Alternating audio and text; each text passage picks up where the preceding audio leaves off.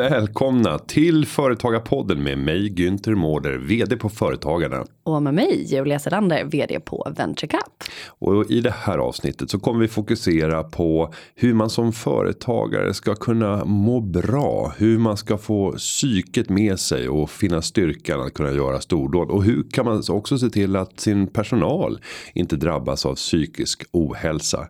Det här är Företagarpodden, podden som ska hjälpa dig att bli mer framgångsrik företagare. Välkommen!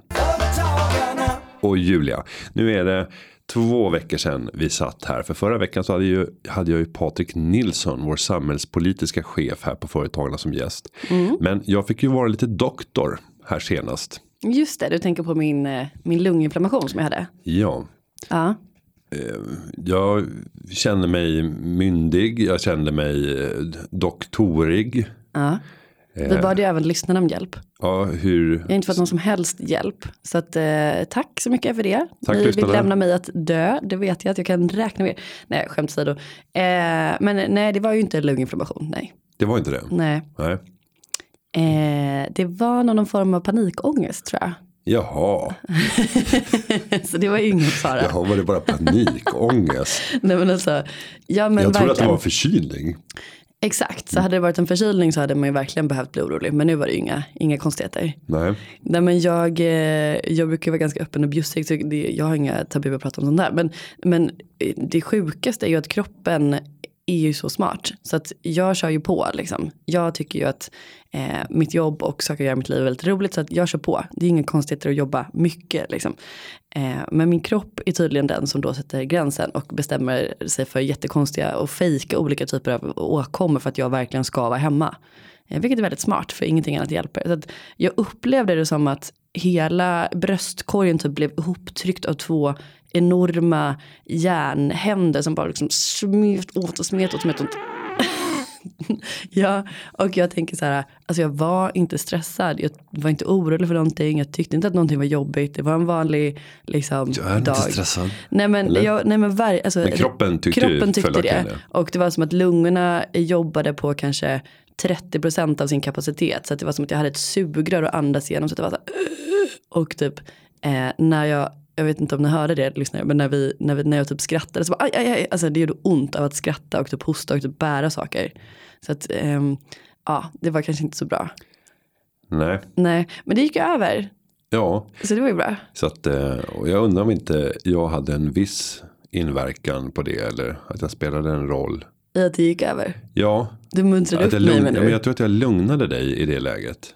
Ja, nej men du kanske Den avdramatiserade. mörka, myndiga, dok doktorala stämman. Günther Mårder skärpning. Nej men jag är ju också uppfostrad med att så här. eh, Dels är jag världens klumpigaste människa. Eh, så att jag slår mig hela tiden. Men jag är också uppfostrad med, ja ja det var inte så farligt. Så att jag har aldrig varit hos en läkare. Eller på det. Jag har aldrig varit på sjukhus. Jag har aldrig brutit någonting, vilket är jättesjukt. Men eh, typ så här, ramlar man ner från en pall och typ kräks för att man råkar landa på huvudet. Då är det så här, ja ja, gå och lägg dig. Det ska man inte göra om man får hjärnskakning. Men det Mm det som inte dör där, det är här där. Men eh, så att nej, jag ska inte svamla mer om mina privata åkommor. Men eh, du ska ju snart eh, intervjua en person som är expert på hur man hanterar utmaningar och stress just kopplat till företagen som den här podden handlar om. Ja, Och då kanske jag ska ta och lära mig någonting av det, jag vet inte. ja, för du är lite stressad iväg så du kan inte vara med på intervjun. Vilket också är väldigt Nej, ironiskt. nej men vi ska, Ja, vi ska säga så. som det är. Den här intervjun eh, som ni kommer att få höra nu. Den spelade jag in i samband med Entrepreneur Ski Week uppe i Åre. Då var Julia inte med. Eh, så att eh, det var lite tråkigt. För att jag tror att du hade kunnat bidra med, med fler frågor och fler perspektiv. Mm. Men vi ska nu introducera vår nästa gäst Mm. i podden. Hon kommer att eh, försöka ge svar på hur vi som företagare kan förebygga psykisk ohälsa. Men också vilka insatser vi kan göra gentemot vår personal. För att se, se till att vi inte får en arbetsplats där folk mår dåligt och inte eh, klarar av att eh, prestera tillsammans. Så med det så säger jag varmt välkommen till en gäst som både föreläser, arbetar som psykolog och har varit eh, nordisk ansvarig chefpsykolog inom privat sektor inriktad på personalstöd, krishantering och försäkringstjänster. Ja, hennes lista är lång. Varmt välkommen. Då ska vi äntligen få bjuda in en eh, alldeles eh, egen psykolog ska jag få här under en liten stund. Eh, jag säger varmt välkommen till Ingrid Almgren Sjölander som har en bakgrund både som chef med stort personalansvar, du är psykolog, du har jobbat med eh, olika typer av trauman och hjälpt till i SOS International.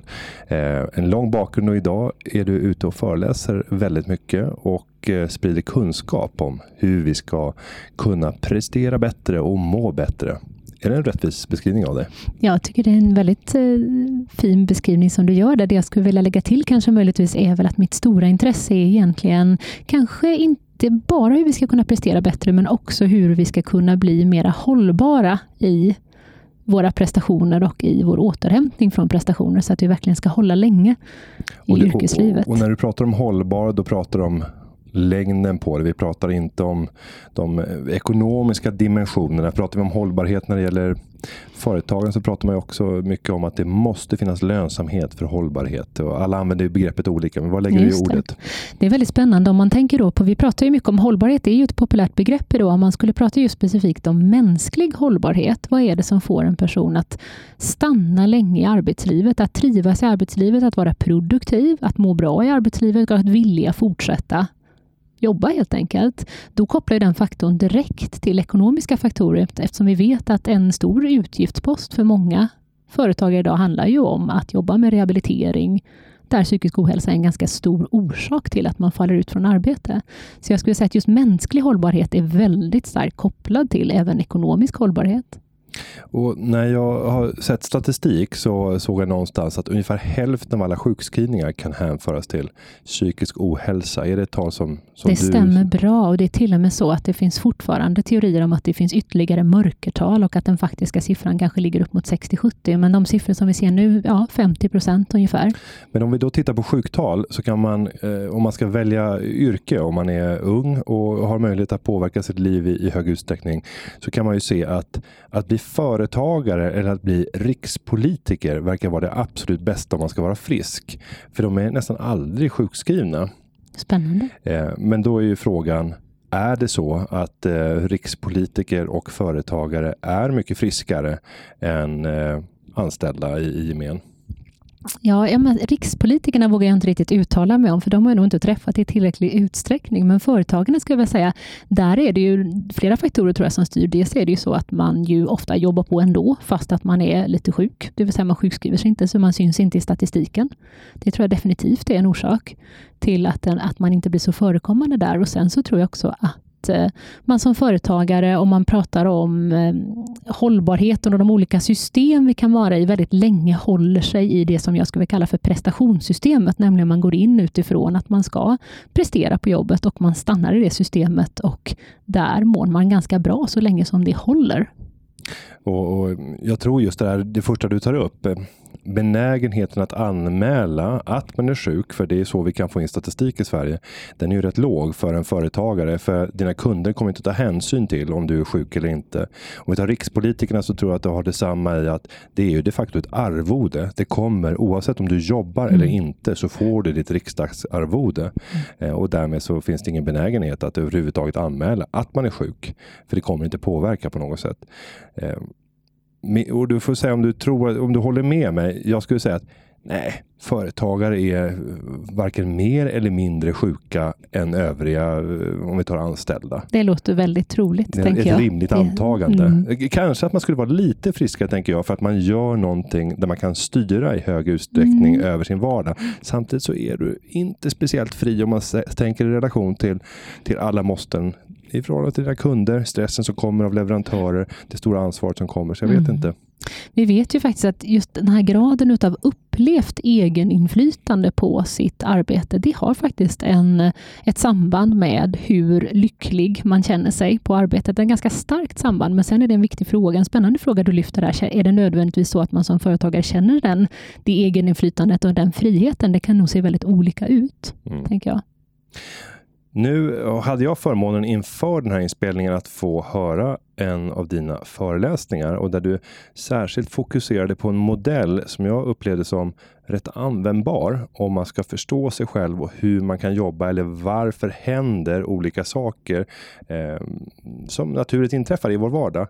Vill du berätta mer om hur du tänker och den modellen som du använder? Absolut, och eh, du som lyssnar kanske känner igen den om du är intresserad av compassion-fokuserad terapi. Paul Gilbert är det som är upphovsman till modellen och den används ganska så vitt spridd. Man visualiserar egentligen våra väldigt gamla neurobiologiska system i tre olika cirklar med olika färger. Om man bara börjar med den stora bilden det kan man säga att våra system är ju minst 12 000 år gamla. Skulle vi gå tillbaka i tiden 12 000 år och träffa människor från den tiden skulle de vara väldigt lika oss. och när du säger system, vad, vad, menar du med system? I det här fallet så, så kopplar detta till våra, kan man säga, våra neurobiologiska system i kroppen. Det som bygger upp våra kroppar och vårt nervsystem och det som försätter sätter oss i olika kan man säga, fysiologiska tillstånd som gör att vi i det specifika tillståndet ägnar oss åt vissa beteenden och tycker att de är viktiga och prioriterar dem. Och när vi går in i ett annat fysiologiskt tillstånd, då prioriterar vi andra beteenden. Och Det är det som den här modellen visualiserar. Och vad är det modellen ger oss för ledtrådar om de här tillstånden som vi kan befinna oss i? Precis, om vi ska gå igenom den eh, lite överskådligt kan man säga att om vi börjar titta på det som man kallar för den röda cirkeln. Det är vad vi kallar för vårt stress eller vårt aktiveringssystem. Det vill säga här är vi gjorda för att kunna gå igång i rörelse, mobilisera oss för att gå till handling. Blir vi hotade, då kan man säga att då tar vi till reaktioner som kamp, flykt, frys, spela död till exempel. Ofta kända reaktioner som många känner till. Vi kan också gå över till att vi eh, starkt börjar rikta vår uppmärksamhet på hur andra människor har det och börja curla varandra lite grann som en stressreaktion faktiskt. Det här röda systemet förbereder ju oss för att gå över till handling kan man säga eftersom det sätter igång tack vare sin kortisolutsöndring där, sätter igång våra kroppar för ja, aktivitet helt enkelt det som är spännande, vi ska titta på helheten sen, men man vet att stannar man kvar länge i det här röda systemet, då känner vi oftast ganska negativa känslor kopplade till stress. Då känner vi oro, ångest, skam som är en väldigt starkt drivande känsla som vi väldigt gärna vill bli av med. Gör nästan vad som helst för att bli av med. Och som också stänger av vårt inlärningssystem lite grann. I den röda cirkeln så lär vi oss inte optimalt, utan vi fokuserar på överlevnad på olika sätt. Och kan man ta några konkreta exempel på där vi vanliga människor normalt brukar befinna oss för länge i den röda cirkeln. Precis, och jag tror faktiskt att vi ska, vi ska öppna begreppet med oro och ångest lite grann till att säga att vi människor är oroliga, dels för den fysiska döden förstås, vi är oroliga för att någonting ska drabba våra kroppar som ett hot som gör oss att vi blir sjuka, kanske drabbas av en olycka. Det är en oro vi har, men vi är också väldigt oroliga för det som man kallar för den sociala döden. Nämligen att vi hamnar utanför gemenskapen, att vi inte är okej, okay, att vi inte får vara med, att någon annan inte tycker att vi är bra nog eller att vi inte går att tycka om. Eh, så att när vi talar om oro, bara för att få det på plats, så handlar det om en mycket bredare oro än bara den här liksom, oron för vår fysiska överlevnad. Och Det som vi ofta gör att vi fastnar i den här röda cirkeln, det kan vara att vi inte riktigt kommer över, kan man säga, till den blå cirkeln som kommer härnäst. Vi kommer lägga en liten länk här där man kan hitta en bild av den här cirkelmodellen för att lättare kunna se den framför sig med hjälp av bilden. Men i den blå cirkeln, där går vi över till det som man kan kalla prestation eller det belöningssökande systemet där vi gör bruk av vår mobilisering i kroppen. Här skrider vi till handling. Vi börjar arbeta helt enkelt och det känns rätt så bra bra. Vi känner oss kan man säga som att vi är på jakt. Vi är intresserade, drivna, nyfikna, vakna. Vi har en ganska låg tolerans för tråkigt och tristess. Då hittar vi gärna på något nytt som sätter igång oss. Och Det här är ett tillstånd om man kopplar just till företagande som många startupper beskriver att här flyttade vi i princip in i den blå cirkeln och jobbade dygnet runt. Ingen hunger och ingen sömn behövdes och man struntade i relationerna utanför till exempel. Och Då kan man säga att det som är positivt med det är att vi gör ju bruk av den röda cirkelns aktivering i kroppen. Men vi är inte gjorda för att vara kvar speciellt länge i den blå cirkeln. Vi behöver växla ner och gå vidare och röra oss till nästa cirkel, som är den gröna, för att faktiskt återhämta vårt system. Och gör vi inte det, det vill säga går ner i den här gröna cirkeln som symboliserar vår trygghet, vårt lugn och ro, vårt kontaktsystem, som vi vet är väldigt starkt kopplat till våra relationer. Därför att vårt lugn och ro-system i våra kroppar, vårt oxytocinbaserade system, det är faktiskt byggt efter de anknytningsrelationer vi har haft med oss under livet och det byggs om efter de relationer vi har omkring oss i livet, både på jobbet och hemma. Så den fulla cirkelrörelsen vi pratar om här är att gå ifrån påslaget, mobilisering i kroppen, att gå över till den blå cirkelns prestation, att gå i och njuta av sitt arbete och verkligen prestera fullt ut i det. Och att sen kunna växla ner i ett mellanmänskligt möte, få en kontakt med någon annan. Även om man är ensam när man är i det gröna systemet så bygger det fortfarande på att jag känner att jag är en okej okay person i andra människors ögon. Jag har en trygghet med mig i min ensamhet. Och först när man har varit där så är vi gjorda för att växla upp och gå in i, kan man säga, det röda systemet igen och mobilisera oss för aktivitet på nytt. Så jag skulle säga att den vanliga orsaken, som svar på din fråga, till att man liksom stannar i det röda systemet, det är att man ligger och pendlar mellan rött och blått.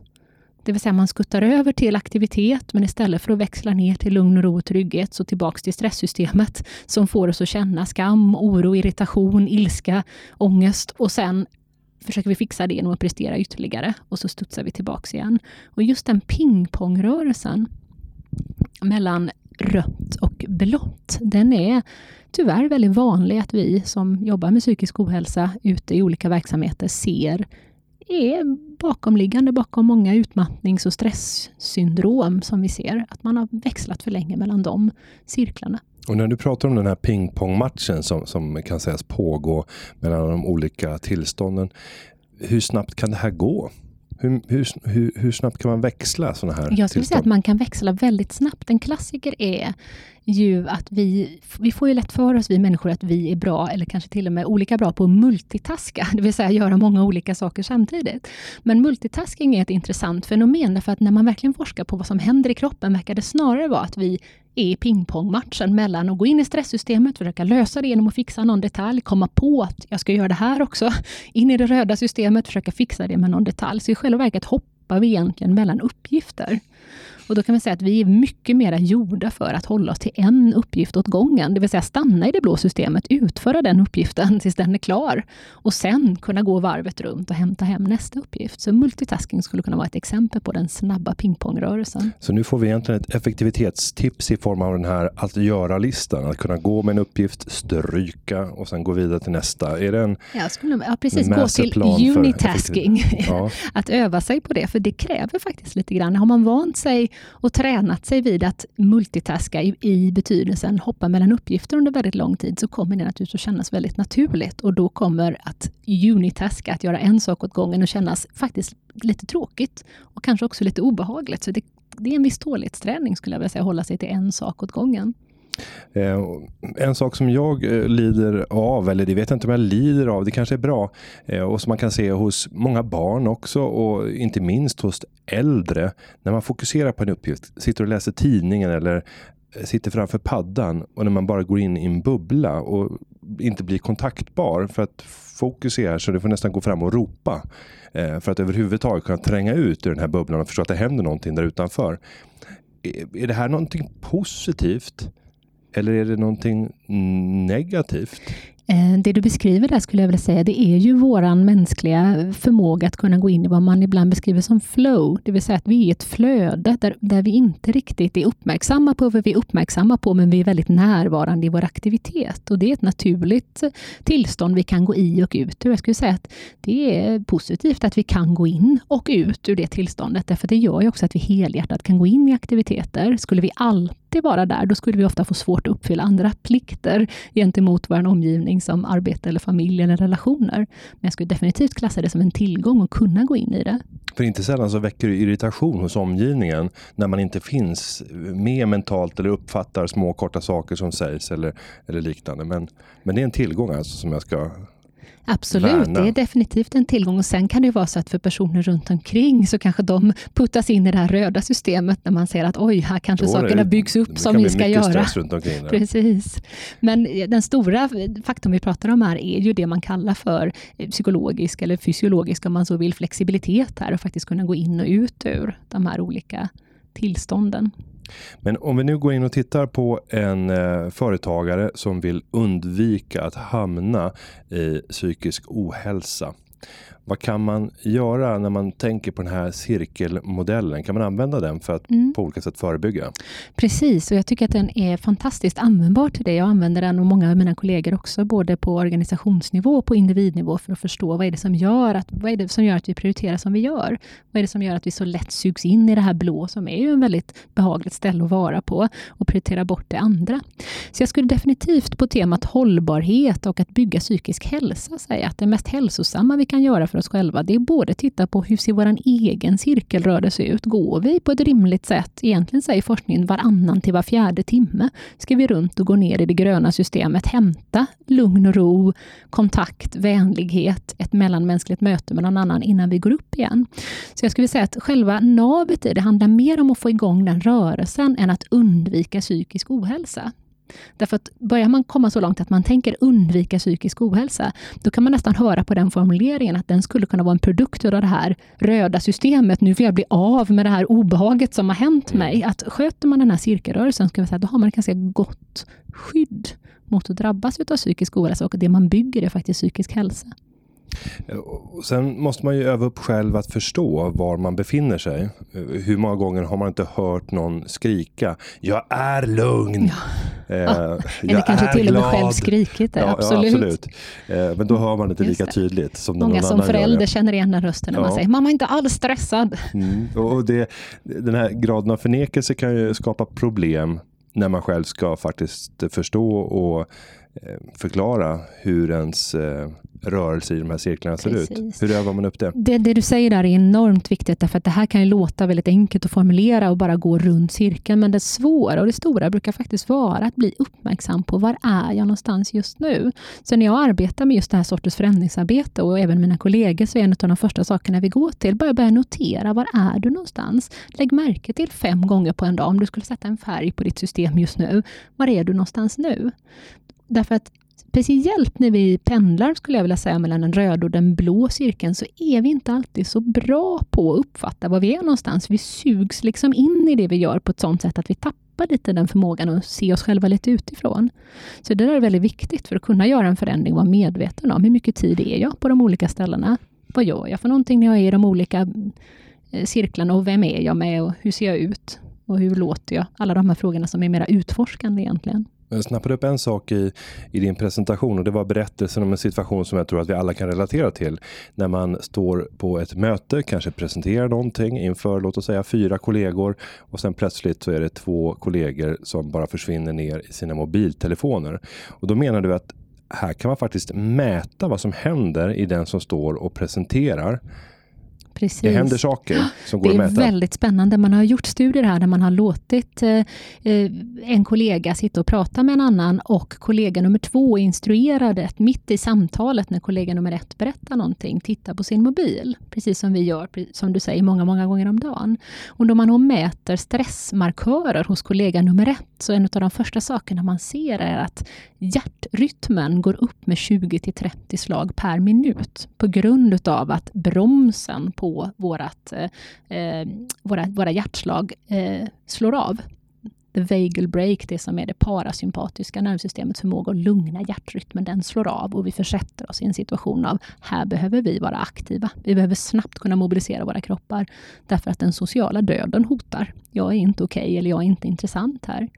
Sen är det också väldigt spännande för att vi är ju rätt så tränade i det här socialt och accepterar det. Så på utsidan så kan det mycket väl se ut som att vi bryr oss inte så mycket. Det händer inte så mycket i våra ansikten eller våra blickar utan vi fortsätter berättelsen. Och därför är det extra intressant att veta att våra kroppar är kvar i ett system där vi blir knallröda på insidan. Därför att vi vet att det är farligt för oss att vara här inte och, intressanta. Och med alla de effekter som det får när du pratar om att inlärningen avstannar och vi går in i en defensiv roll. Och då sitter jag och funderar på, eh, används det här strategiskt vid olika typer av lägen där det är bra att få den på andra sidan bordet att faktiskt komma in i ett sådant tillstånd. Tänker, det kan ju vara i, i olika typer av rättegångssammanhang eller vid tuffa förhandlingar eller liknande där du måste vinna fördelar. Eh, hur mycket har man forskat på det, möjlighet jag, att använda det här? Det där måste jag säga att jag, det känner inte jag till forskningen som bygger på en strategisk användning av det här området. Men jag skulle inte vara främmande för att det är klart att det går att använda det på det sättet. Jag tror tyvärr, måste jag säga, att den allra mesta av det vi ser till vardags, för detta är en väldigt vanlig situation, är en fullkomligt ostrategisk mm, användning mm, utav det, där man egentligen inte med, hade man vetat vilken effekt det hade, så hade man egentligen kunnat hålla tillbaks behovet av att checka Facebook just då. Men eh, så jag tror det mesta är ostrategiskt och jag måste lämna frågan obesvarad hur strategierna skulle kunna se ut bakom det. Ja, och, och där kan man ta liknelser lite grann vid eh, det moderna eh, samhället där vi har tillgången till våra mobiltelefoner och jämföra med hur det skulle sett ut om man gjorde motsvarande sak eh, förr i tiden. Just det. Menar, om du tar upp mobilen under en middag eh, mm. när du plötsligt tycker att det är ett tråkigt samtalsämne för att gå in och kolla din e-post. Ja, tittar av tre, fyra e-post, eh, slänger de flesta av dem. Det verkar inte vara någon viktig information om man skulle tänka historisk kontext, du har med dig en kasse med brev. Så mitt under middagen så börjar du ta upp ett antal brev, sprättar upp, tittar på dem. Äh, det var reklam. Äh, det här var Kanske till och med börja svara på ett brev. Ja, det slänger vi bort. Eller man sitter på ett möte med sin dator uppfälld eh, och, och, plötsligt börjar eh, gå in och titta på LinkedIn på lediga tjänster. Mitt under ett pågående möte. Mm. Eh, ungefär som att man skulle tagit fram eh, gamla platsannonstidningen och mitt under mötet börja bläddra i den om vi tänker en gammal kontext. Mm. Så jag tänker den moderna tekniken har gjort att vi kan börja bete oss bedrägligt mm. utan att det ens observeras. Mm. Men det skapar också en osäkerhet för jag vet inte vad du gör. Nej. Hur påverkar det här? Jag tänker framförallt de sociala dimensionerna och upplevelsen av att inte ha kontroll. Mm. Upplevelsen av att inte ha kontroll och där skulle jag framförallt vilja säga upplevelsen också av att inte ha kontakt. För i den stunden lämnar du ju din samtalspartner och går över till mobilen och säger ganska tydligt att du är inte så intressant just nu. Jag har något mer spännande som väntar mig här. Kanske ett jobberbjudande eller en e-post. För samtidigt som man tittar på det här så måste man också tänka, att det är viktigt att lyfta fram att man behöver se det här med väldigt, väldigt vänliga ögon för sig själv och inte bli för hård och kritisk. Här är det lätt att gå in och dissa alla över en kam som tittar mobilen ofta och det, det är ju de flesta utav oss om vi ska vara ärliga. För om vi ska titta lite grann på vad är det då som får oss så sugna på den här mobilen. Då har man gjort studier där man har visat att den här blå cirkeln som jag pratade om, som är, vårat, är starkt kopplat till vårt dopaminsystem, vårt belöningssystem, den kan vi faktiskt på kort sikt potentera genom att ta fram mobilen och titta på dem. Och då får vi en liten insprutning med belönings ämnet dopamin i hjärnan Låt och känner oss. Det är faktiskt lite som knark. Det är som att ha som en godispåse eller en liten knarkpåse tillgänglig i fickan. Och vi människor är, kan man säga, neurobiologiskt förberedda för att ta till knark för att må bra. Det är, det är inbyggt i våra system och då menar jag knark i lite vidare bemärkelse. Här. Mm. Någonting som får oss att må bra för stunden oavsett om det är mycket jobb eller om det är att eh, kolla mobilen eller om det är att eh, överprestera på olika sätt. Det som ger oss en kick just nu, det vill vi gärna vara kvar i. För det är det blå systemet, är det skönt att vara. Det är mycket skönare att vara där än att vara i det röda systemet. Så jag skulle säga att grunden till det här beteendet behöver inte alls vara oginhet eller elakhet eller ointresse, utan den här drivkraften att få den här kicken, få någonting som väcker hjärnan lite grann, något som känns bra för stunden. Och om vi då pratar om knark så vill vi ofta avvänja oss vid det. Och om vi då jämför med andra saker som vi inte upplever som lika farligt eller vi tittar på mobilen eh, du nämnde 150 till 300 gånger. Eller något sånt där. Normalanvändaren, precis. Ja, och det betyder ja. att det finns personer som ligger uppe på 500-600 gånger oh, också ja. för att dra upp snittet. Absolut. Är det värt att faktiskt fundera och arbeta på att ta bort sådana här omedvetna men invanda beteenden och, och, vad kan vinsterna vara av jag att tror, jobba bort det? Jag tror definitivt att det är värt att göra det. Och där tror jag första steget är att börja, börja lägga märke till hur ofta står jag där, om vi tar mobilen som exempel i handen, när jag egentligen har ett pågående samtal med en annan person. Börja, börja notera när det händer. För de allra flesta av oss så är det numera nästan ett automatiserat beteende. Vi bara gör det. Och vi vet inte exakt varför. Så, så definitivt börja lägga märke till det. Och när vi sen börjar arbeta med att förändra en vana, ja då är det faktiskt så att då ska vi få några av de här nervcellerna i hjärnan som har kommunicerat mycket med varandra att koppla isär och inte kommunicera så mycket med varandra. Och det är nästan alltid vad vi brukar kalla för, vi psykologer, en tålighetsträning. Här måste vi stå ut med att det känns inte speciellt bra att avhålla sig, vi tar mobilen nu för det är ett tydligt exempel från att kolla mobilen, det kommer ofta att skapa en känsla utav ett sug eller en längtan och till slut kanske en irritation över att vi inte får lov att kolla, precis som om vi hade avstått ifrån vårt favoritknark. Mm, vårt absoluta favoritknark. Mm, och det kräver en tålighetsträning och vi måste vara väldigt snälla mot oss själva i den och verkligen se oss som de ja, som, som de överlevnadsinriktade nervsystem vi faktiskt är. Vi vill söka oss till sånt där det känns bra just nu för kroppen. För där tänker vi att vi har bäst chans att överleva. Mm. Och om vi nu tar den här företagaren som är fullt medveten om att de största riskerna eh, för mig när det kommer till att eh, personalen kommer att eh, bli sjukskrivna, det är just kopplat till psykisk ohälsa. Jag vill göra så mycket jag bara kan för att undvika att det här uppstår. Vad kan en företagare och chef över, över sin personal göra för insatser för att på olika sätt påverka det här i en positiv riktning? Mm. Eh, ganska mycket skulle jag vilja säga, eller rätt sagt väldigt mycket. Men många av de sakerna kommer att försiggå på det som jag skulle säga nästan en mikronivå. En stor sak är ju naturligtvis hur modellerar ledaren själv det här beteendet? Hur närvarande är man själv med sin arbetsgrupp? Om vi pratar om det här eh, gröna systemet som ju handlar om att faktiskt vara i stunder av kontakt och trygghet med varandra utan att det är prestation det handlar om. Då vet man att där är ledarfaktorer som förmågan till att vara närvarande i stunden väldigt starka. Och det är en övningssak, att öva sig och faktiskt vara närvarande i det som händer utan att ta till olika medium, vad det än kan vara. Så det är definitivt en sak som en ledare kan göra, träna sin närvaroförmåga. För det har faktiskt starka effekter på medarbetarnas upplevelse av den psykosociala arbetsmiljön. En annan sak handlar väldigt mycket om sånt som vi kanske förbiser i en vanlig verksamhet. Det kan handla om hur vi säger hej och hej då till varandra. Vilka blickar möter oss när vi kommer till kontoret på morgonen? Får jag en vänlig blick? Eller upplever jag att det är ingen som ens märker att jag kommer? Vi vet att på 33 millisekunder så kodar vi in en negativ blick i våra hjärnor och ställer om vår neurobiologi på faktiskt stress och hot om vi inte uppfattar den blicken som vänlig. Så där kan just att, att börja lyfta fram och förstärka alla beteenden som, som supportar vänlighet och mellanmänsklig värme. Det skulle jag vilja säga är en sån sak som är, är den kanske tas för given, för ingen vill ju ha en arbetsplats där vi inte är vänliga mot varandra, men det är inte många arbetsplatser skulle jag säga, som aktivt arbetar med det som en variabel. Att visa vänlighet, hjälpsamhet och tacksamhet mot varandra. Sen om vi tar enkla saker att förstå värdet av så är det ju att eh, management by walking around, att vara intresserad av sina medarbetare, mm. ta ett varv, Precis. prata, stämma av saker både professionellt och, och, och privat kanske mm. för att bygga en stark relation och få, få en förståelse för helheten. Sen tänker jag de här gemensamma fikastunderna. Men sen tänker man ju också att det där blir ju att försöka dra ner folk till den gröna cirkeln igen, att kunna få Precis. den återhämtningen. Men om, om, vi ska också få upp till den blåa, vad kan vi som chefer göra för att se till att det inte bara blir, blir mys Just om man det. bestämmer sig för en sån här typ av ledarskap, mm, utan mm. att det också bidrar till att bam, mm, så går man upp precis. i ett produktivt läge och börjar mm, leverera. Absolut.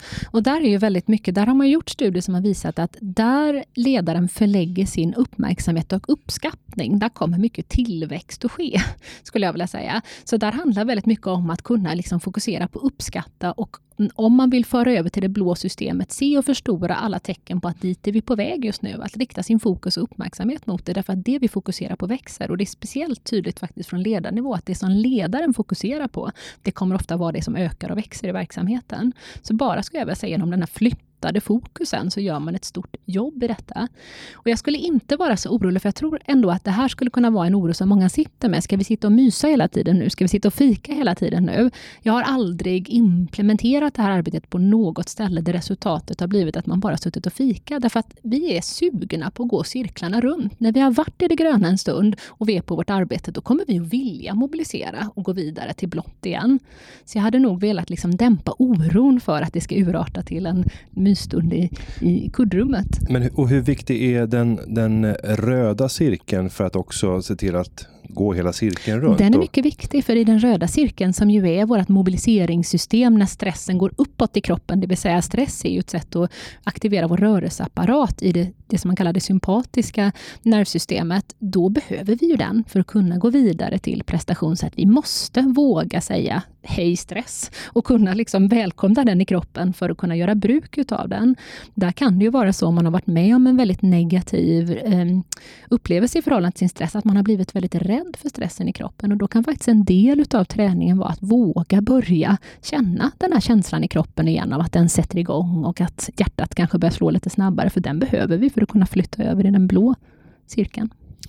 Ett annat begrepp som man ibland får höra det är ju positiv och negativ stress. Mm. Men jag misstänker att det hör inte riktigt ihop med de här cirklarna. Eller vill du sätta det i ett sammanhang? Kan man prata mm. om det i, relation till cirklarna? Mm, precis, ja, man kan säga att för, för, för kroppen i sig skulle jag säga att så på ett sätt stressupplevelsen eh, neutral på så sätt att den är, den är funktionell, den är till för att sätta igång våra kroppar. Men där har man gjort studier på som har visat att beroende på vad vi har för egen inställning till hur stressen känns i våra kroppar. Om vi har den här känslan av hej stress, välkommen, det här är viktigt för mig, därför känner min kropp sig lite stressad just nu för jag ska prestera ett föredrag eller vad jag nu ska göra just nu. Och har en så att säga, positiv syn på vad stressen hjälper mig med, då är det faktiskt så att studier visar att jag har mindre negativ påverkan på mina blodkärl av den stressen än om jag tänker hjälpstress, den måste jag till varje pris bli av med. Så att det verkar mera faktiskt handla om faktorer som, som ska man säga, handlar om vårt mindset i förhållande till stress, än stressen i sig. Den är ganska sig lik skulle jag vilja säga för kroppen. Vi är gjorda för att hantera en stor mängd stress i vår vardag. Vi är absolut tillverkade för att kunna göra det och vi, vi tål det. Problemet är när vi fastnar och är bara i det systemet och inte kommer runt i den här cirkelrörelsen runt mellan rött, blått, grönt och tillbaks igen. Ja, och det är nog lätt för alla att se situationen i sitt eget liv. Jag funderar själv på lägen då jag får just högt stresspåslag på ett väldigt positivt sätt och arbetar med det som ett verktyg. Och det är framförallt när man står på de stora scenerna. Och, och, när man har gjort en väldigt lång föreställning. De längsta passen jag kört har varit upp mot åtta timmar, men med lite pauser insprängt. Men vilket enormt behov man har efter det. Att bara träda tillbaka, bara få skärma av allting. Komma in i det här gröna lugnet, isolera sig, känna lugnet, välbehaget.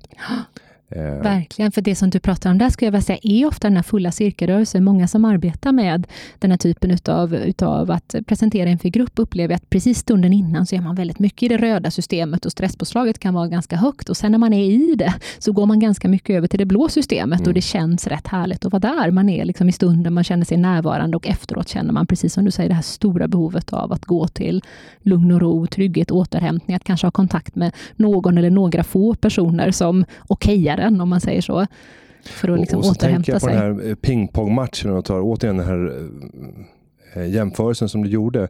Eh, när man sitter med hörsnäcka och det är en, en direktsändning också och får ny information. Och stresspåslaget som kommer när man står på scen och plötsligt får ny information att vi måste avbryta det här för att gå vidare. Vi får inte fram det här inslaget det måste ju vara en, en väldig pendling och sen samtidigt så utåt sett så måste man ju vara helt, helt neutral. Jag tänker på en annan roll kanske som nyhetsuppläsare. Mm. Mm. Eh, där man har en förväntan om att du ska vara fullt ut korrekt. Just du ska det. inte synas några känslouttryck på dig oavsett vad du pratar om. Mm. Det måste krävas ganska mycket för att Visst gör det det och vi vet ju faktiskt att alla situationer med stress där vi upplever att vi har en låg grad av egenpåverkan. Nu kan det vara att någon ropar något i en hörsnäcka. Det är ett klassiskt exempel från många stressstudier är faktiskt yrket eh, busschaufförer som upplever att man har ingen påverkan på de faktorer som avgör hur jag kan sköta mitt jobb. Då vet vi också att det är ett sådant tillstånd där kroppen kan reagera extra negativt på den stressen när vi inte upplever att vi kan påverka det här. Absolut. Mm. Men om du ska få summera och ge några tips till den här företagaren som skulle vilja på olika sätt göra preventiva insatser för att få sin personal att må bättre och kunna prestera mer och att man kan ha roligare tillsammans. Just det. Vilka är de gyllene tipsen som du skulle vilja servera till den här företagaren? Låt oss säga att man har en 10-15 anställda. Just det. Jag skulle nog vilja säga, som man, det beror lite på vad man är i företagets liv, om man är liksom under uppbyggnad eller om man är liksom i, i mer en förvaltningsperiod. Men jag skulle säga att ju tidigare man kan börja tänka in psykisk hållbarhet och hälsa och sätta en sorts arbetsplatsnorm för hur ska de här, om man vill använda till exempel den här trecirkelsmodellen, hur ska de här växlingarna se ut hos oss? Hur hjälper vi varandra med det? Hur ser vi när vi är där? Att man tidigt lyfter in det här och att man absolut inte väntar tills man har första rehabärendet, för då har det gått väldigt långt redan. Det är inte för sent då, men som ett gott råd, börja tidigare än vad du, än vad du tänker själv, så att säga. Därför att det är väldigt lätt att ha fokus på ja, egentligen det blå systemet från start. Så ett, en tidig start med och att verkligen bygga in det i företagskulturen, att rekrytera utifrån de här principerna, att välja ledare och att själv välja en ledarstil som promoterar en hållbarhet, skulle jag vilja säga. Där och, kan vi påverka vad är en mycket. sån ledarstil då? Jag skulle vilja säga att det återigen, för att återvända till det vi pratade om förut, handlar väldigt mycket om närvaro. Det är en faktor som man ofta lyfter fram inom eh, den relationella ledarforskningen. Att förmågan till att kunna vara närvarande i det som händer, oavsett om man är i, det, i vilket system man är i, det är en stark faktor. Därför att den kommer att vara motiverande för personalen. Mm. Det får bli de avslutande tipsen till våra lyssnare i Företagarpodden. Och vi eh, säger stort tack till Ingrid Almgren Sjölander att, för att du kom och delade med dig av alla de här tipsen till våra lyssnare. Tack, mycket. själv för att jag fick komma. Härligt. Och där är vi tillbaka i studion. Mm. Och Ingrid Almgren Sjölander har vandrat vidare. Och eh, kvar lämnar hon en rad råd och tips. Ja, jag ska verkligen ta till mig dem och jag tycker också att den viktigaste uppgiften som man har som chef är ju att skapa en eh, bra och motiverande arbetsplats för sin personal. För att se till att de kan eh, leva ut sin fulla potential. Men också lite som man är när man är förälder, tänker jag, vad vet jag, eh, att föregå med gott exempel. Så det är skärpning på mig nu. Nej, och sen så tänka att vi ska gå in i de här olika zonerna. Att förstå att vi måste in i vilofasen. Att stressen inte är farlig. Men att vi ska använda våra sinnen för att förstå hur vi ska växla och eh, variera våra sinnesstämningar under dagen. För att kunna må bra. Jag tycker att det mest spännande är sån stress som då är positiv stress. Alltså när man pushar sina gränser successivt. För mig är ju en normal arbetsvecka kanske helt världsfrånvänd från någon annan. Men jag mår ju inte dåligt av det. För att jag upplever ju att det är det som är normalt. Det tycker jag är spännande. Men jag tycker att eh, vi kanske kan göra ett till avsnitt med, på detta. Det, det kommer vi säkert eh, både behöva och vilja göra. Mm. Sjukt intressant hur som helst. Så med det så eh, stänger vi luckan. Och eh, va? Ja, det gör vi. Ja, det var lite nytt. och konstaterar att underlaget för den här podden den har gjorts av eh, David Hagen och klippningen den är gjord av Gustav Dalesjö. Vi hörs igen nästa vecka. Ha det gott! Ha det gott! Hej, hej! Företagarna, ja, ja, ja, ja, ja, ja. Företagarna, ja, ja, ja, ja, ja, ja.